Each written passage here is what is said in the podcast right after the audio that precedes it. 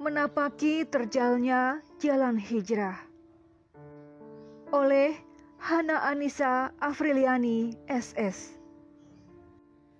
dan orang-orang yang berhijrah di jalan Allah kemudian mereka terbunuh atau mati sungguh Allah akan memberikan kepada mereka rezeki yang baik berupa surga.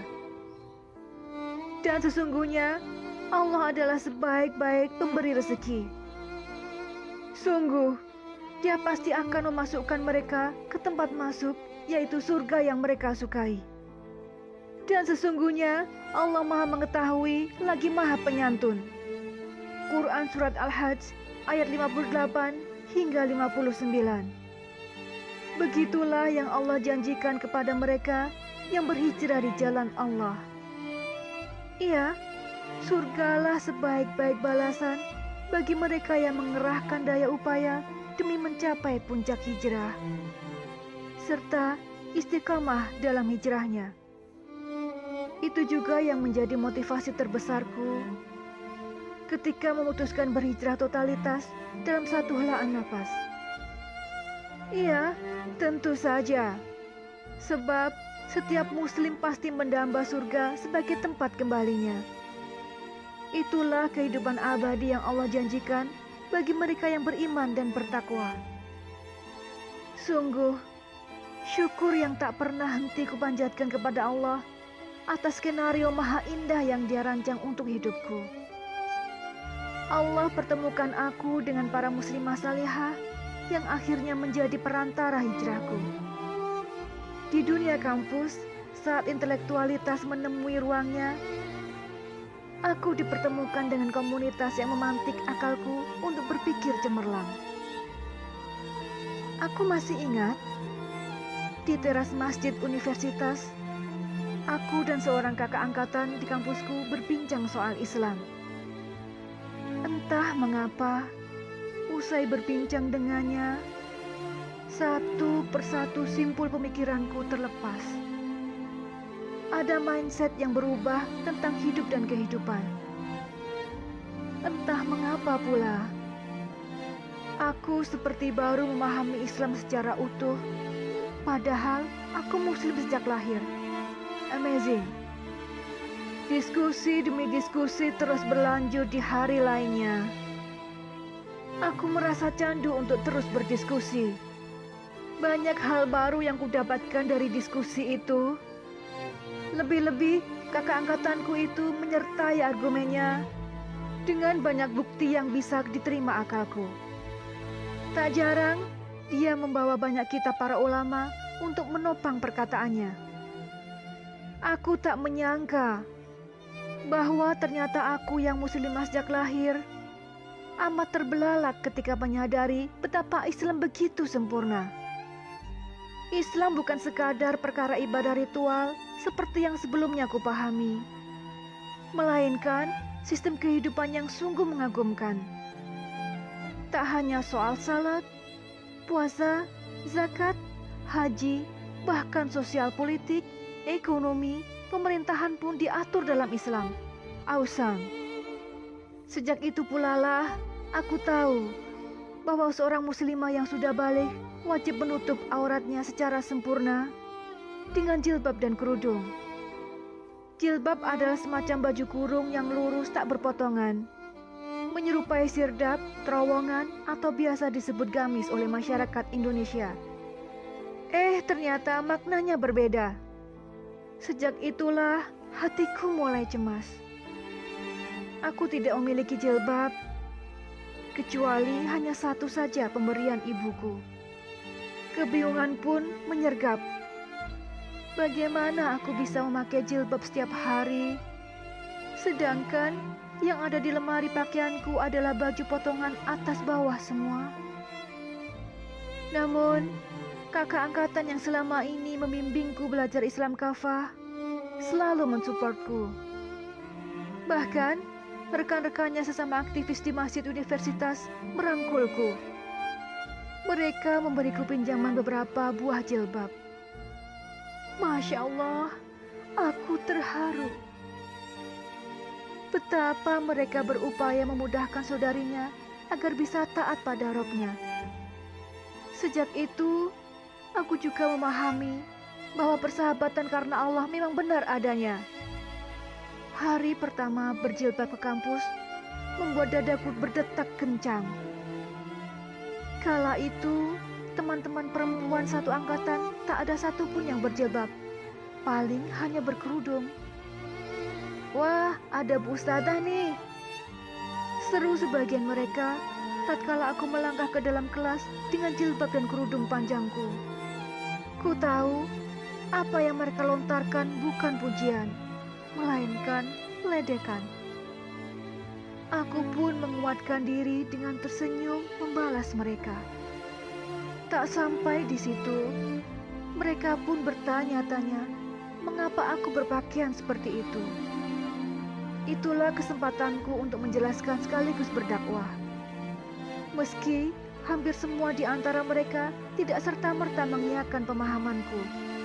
Mereka menganggap tak perlu berpakaian seperti itu. Kalaupun menutup aurat, bisa dengan model pakaian apa saja. Ah, biarlah.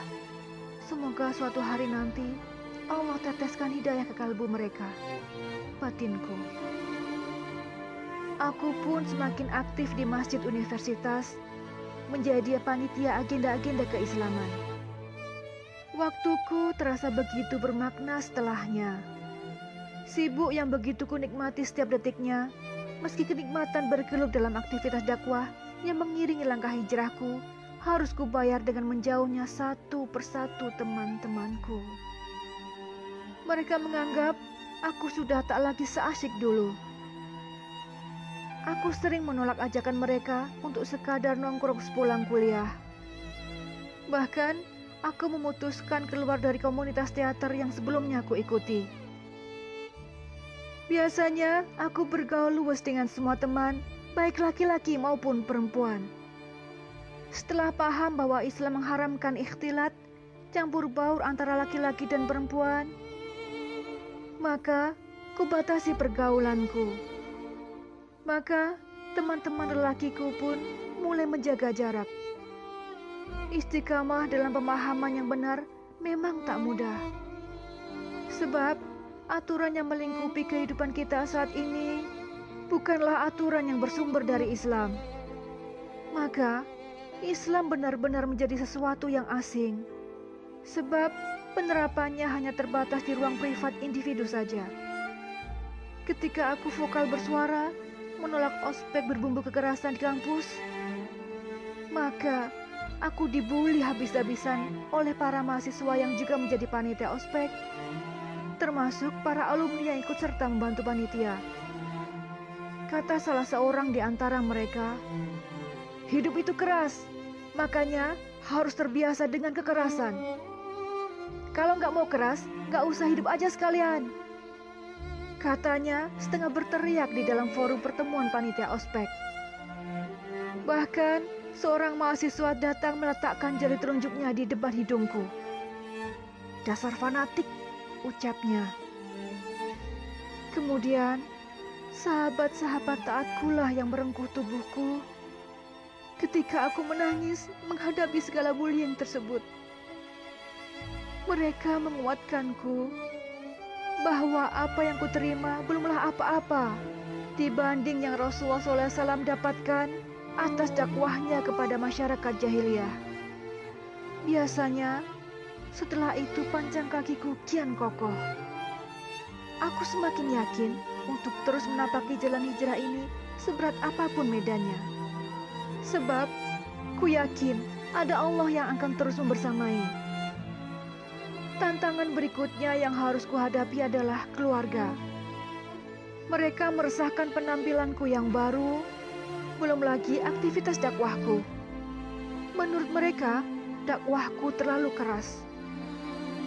Aku yang dahulu buta soal politik, kini malah sering kali mengkritisi kebijakan penguasa dan menyajikan solusinya dengan sudut pandang Islam.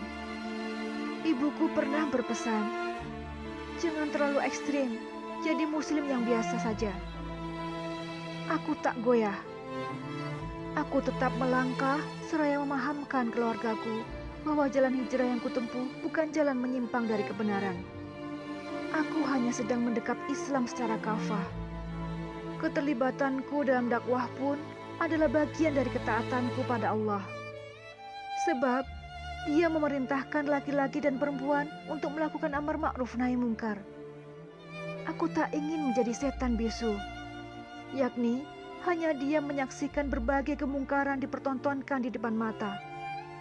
Visi terbesarku adalah memahamkan orang sebanyak-banyaknya bahwa Islam adalah ideologi sahih yang layak diterapkan dalam sebuah institusi. Untuk itu, aku akan terus menyerukan dakwah ideologis baik lewat lisan maupun tulisan. Alhamdulillah, kini keluargaku semua mendukung langkahku. Bahkan mereka pasang badan membelaku tatkala ada suara-suara sumbang yang menuduhku terjebak dalam paham Islam radikal. Keluargaku menjadi supporter utama dalam dakwah. Mereka bahkan meyakini bahwa apa yang kusampaikan benar adanya. Tak sedikit pun melenceng dari Al-Quran dan As-Sunnah. Alhamdulillah, sungguh pertolongan Allah sangat dekat. Maka, bagi yang sedang menapaki terjalnya jalan hijrah, bersabarlah dan nikmati saja setiap perihnya. Sungguh, setelah kesulitan pasti ada kemudahan. Sebagaimana akan ada pelangi setelah hujan. Wallahu a'lam.